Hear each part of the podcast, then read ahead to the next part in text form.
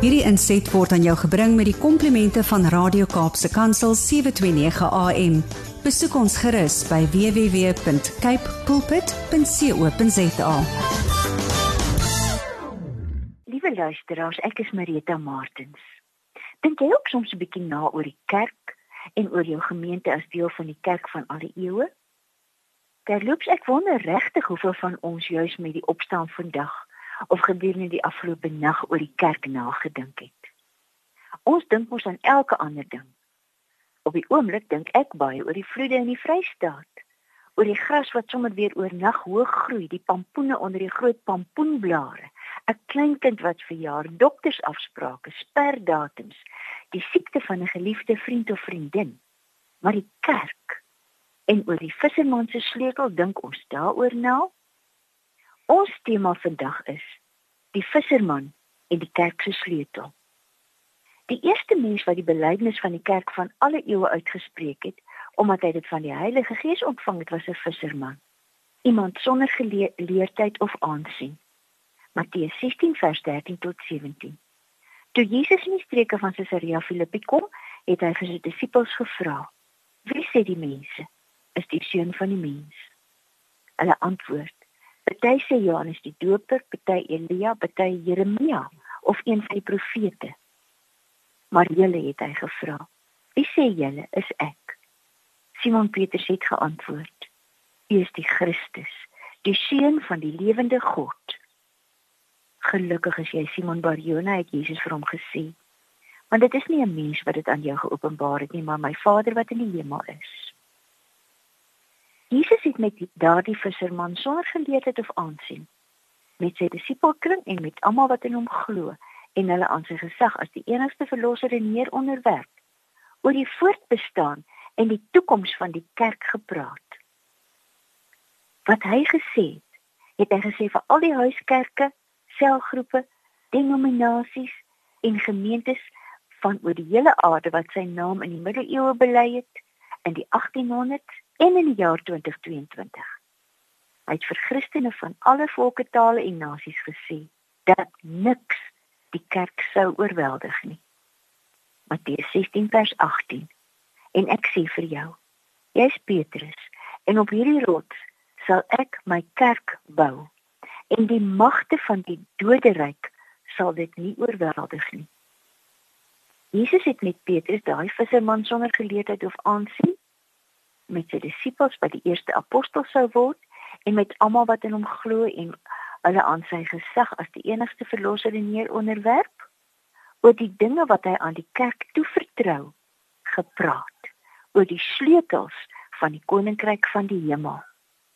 Matteus 16 vers 19 Ek sal aan jou die sleutels van die koninkryk van die hemel gee en wat jy op die aarde toesluit sal in die hemel toegesluit bly en wat jy op die aarde oopsluit, sal in die hemel oopgesluit bly. Toe hierdie visserman Simon Petrus sy eerste preek na die uitstorting van die Heilige Gees op die kerk gepreek het, het hy die sleutels wat hy van Jesus ontvang het vir die eerste keer gebruik. Die kerk wat die versameling gelowiges wat in Jesus geglo en saam op die uitstorting van die Heilige Gees gewag het. En so het Petrus die visserman wat die sleutels ontvang het, dit gebruik. Handelinge 10 vers 42 tot 44. Hy, dit is Jesus, het ons opdrag gegee om aan die volk te verkondig en te bevestig dat dit hy is wat deur God aangestel is as regter oor lewendes en dooies. Van hom getuig al die profete dat elkeen wat in hom glo vergifnis van sondes deur sy naam ontvang. Met hierdie boodskap het Petrus die sleutels vir die eerste keer in die slot geplaas en die deur oopgesluit om vir elkeen wat hier op die aarde luister te laat sien dat Jesus die aangestelde, die gemagtige van gemagtigde van God is wat eenmaal regter sal wees en dat alle mense skuldig voor God is dat sonde gestraf word en dat Jesus die regter sal wees. dat die Ou Testamentiese profesie aangaande 'n lam wat geslag sou word, 'n verlosser, iemand wat mense heel maak en hulle vertroos, iemand wat die straf in sondaar se plek sou dra, in Jesus Christus vervul is. Dat elkeen wat Jesus as die seun van God, die lam van God, die middelaar en verlosser glo en aanneem, vergifnis van sondes in sy naam sou ontvang en dit deur die regverdige dade, die lyding, die gehoorsaamheid en die liefde van sy sondelose wese. Toe hierdie visserman Simon Petrus sy eerste preek met die kernboodskap, die sleutelboodskap na die uitstorting van die Heilige Gees op die kerk uh, uh, vir die kerk gepreek het, het hy die sleutels gebruik wat hy van Jesus ontvang het. Toe, omdat Simon Petrus die regte sleutels gebruik het, Die sleutels wat Jesus aan hom oorhandig het, het God vanuit die hemel iets geweldigs gedoen. Hy het gedoen wat Petrus die visserman nie kon doen, wat niemand kan doen nie. Hy het sy Heilige Gees op die luisteraars uitgestort toe die sleutel draai. Handelinge 10 vers 44. Terwyl Petrus nog praat, het die Heilige Gees op almal gekom wat na die woord geluister het. Ons kan sonder vrees vir teespraak aanvaar dat dit die boodskap was, die kernboodskap, die sleutelboodskap wat aan alle groepe verkondig is teenoor wie die apostels van Jesus gaan getuig het. En toe die gemeentetjie eers gevestig is, het alles oor Jesus gegaan. Oor die goddelike genade van vryspraak en verlossing, die ewige lewe, oor Jesus se leer, oor sy lewe, oor die profesie, oor die wonder van die woord, oor die volle Godsopenbaring maar iets het verskriklik skeef geloop in die gemeente van Efese. Aan die gemeente wat die sleutelboodskap nie meer so goed geken het en die sleutel dalk weggegooi het, moes Johannes skryf in Openbaring 2 vers 5. Dink daaraan hoe ver julle die gemeente van Efese al agteruit gegaan het. Bekeer julle en doen weer wat julle in die begin gedoen het. Anders as julle julle nie bekeer nie, kom ek na julle toe en sal ek julle lamp van sy plek af wegvat. Tom S. Ryan het 'n blok oor 'n sterwende gemeente geskryf oor sterwende gemeentes as onderafdeling van die kerk van alle eeue. En vandag noem ons dit die soort gemeente wat die kosbare sleutel weggegooi of weggeberg het. Die sleutel wat Jesus aan Petrus en die kerk oorhandig het. En nou skryf Tom Ryan, there are five warning signs that a congregation is dying. The church as few outwardly focused ministries. Most of the budget dollars in the church are spent on the desires and comforts of church members. The ministry staff spends most of its time taking care of its members, while little time with little time to reach out and minister to the community the church is supposed to serve. The dropout rate is increasing. A common exit interview theme we heard was a lack of deep biblical teaching and preaching in the church. Number three, the church is experiencing conflict over issues of budgets and building. When the focus of the church members becomes how the facilities and money can meet their preferences, church health is clearly on the wane. Number four, corporate prayer is minimized. If the church makes prayer a low priority, it makes God a low priority. Number five, the pastor has become a chaplain. The church members view the pastor as their personal chaplain, expecting him to be on their call, on call for their needs and preferences. When he doesn't make a visit at the expected time, the pastor receives criticism. Where do we go from here? The bad news is that few churches recover if the patterns above become normative.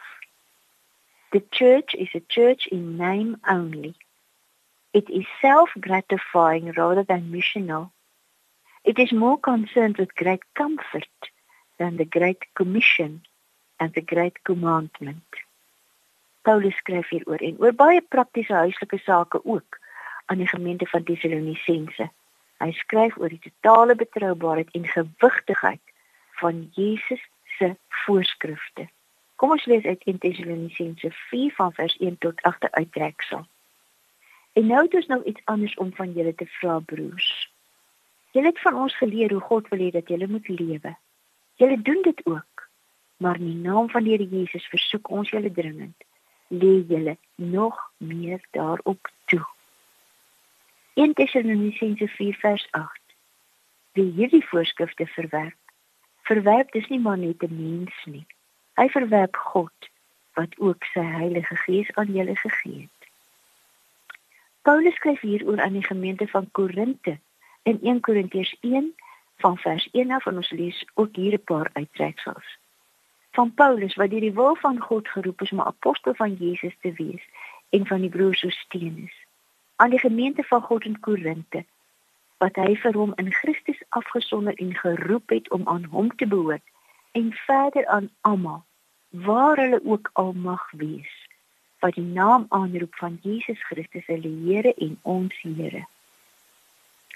Die boodskap van Christus is onder julle so goed gefestig dat dit julle nie aan 'n enkele genadegawe ontbreek nie. En dan skryf hy: Christus het my nie gestuur om te doop nie, maar om die evangelie te verkondig en dit nie met woorde van menslike wysheid nie, want dan sou die kruis van Christus sy krag verloor. Die boodskap van die kruis is wel ons en vir die wat verlore gaan, maar vir ons wat gered word, is dit die krag van God. Dit was die bedoeling van God en sy wyse dat die wêreld nie deur geleerdheid tot kennis van God sou kom nie. Daarom het God in sy goedheid besluit om deur die prediking wat vir die wêreld onsin is, die te red wat glo. Die Jode vra wondertekens en Grieke soek wysheid, maar ons verkondig Christus wat gekruisig is vir die Jode is dit 'n aansteek en verstoot en vir die ander onsin.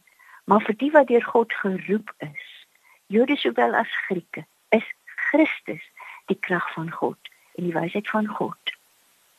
Dit is die sleutel wat die ongeleerde visserman Petrus ontvang het. Dit is die sleutel wat Paulus in die slot tussen verlorenheid en redding moes plaas. Dit is die sleutel wat die kerk ontvang het. Dit is die enkele enigste sleutel wat ons as kerk van 2022 ontvang het. O Here, vernietig elke plastiese sleuteltjie en namaaksel wat ons self gemaak het om u kerk daarmee te verlei en te betower en mense aan te lok. Vergewe ons en laat ons weer die regte sleutel gebruik asseblief om u naam ontvang. Amen. Hierdie inset was aan jou gebring met die komplimente van Radio Kaapse Kansel 729 AM. Besoek ons gerus by www.cape pulpit.co.za.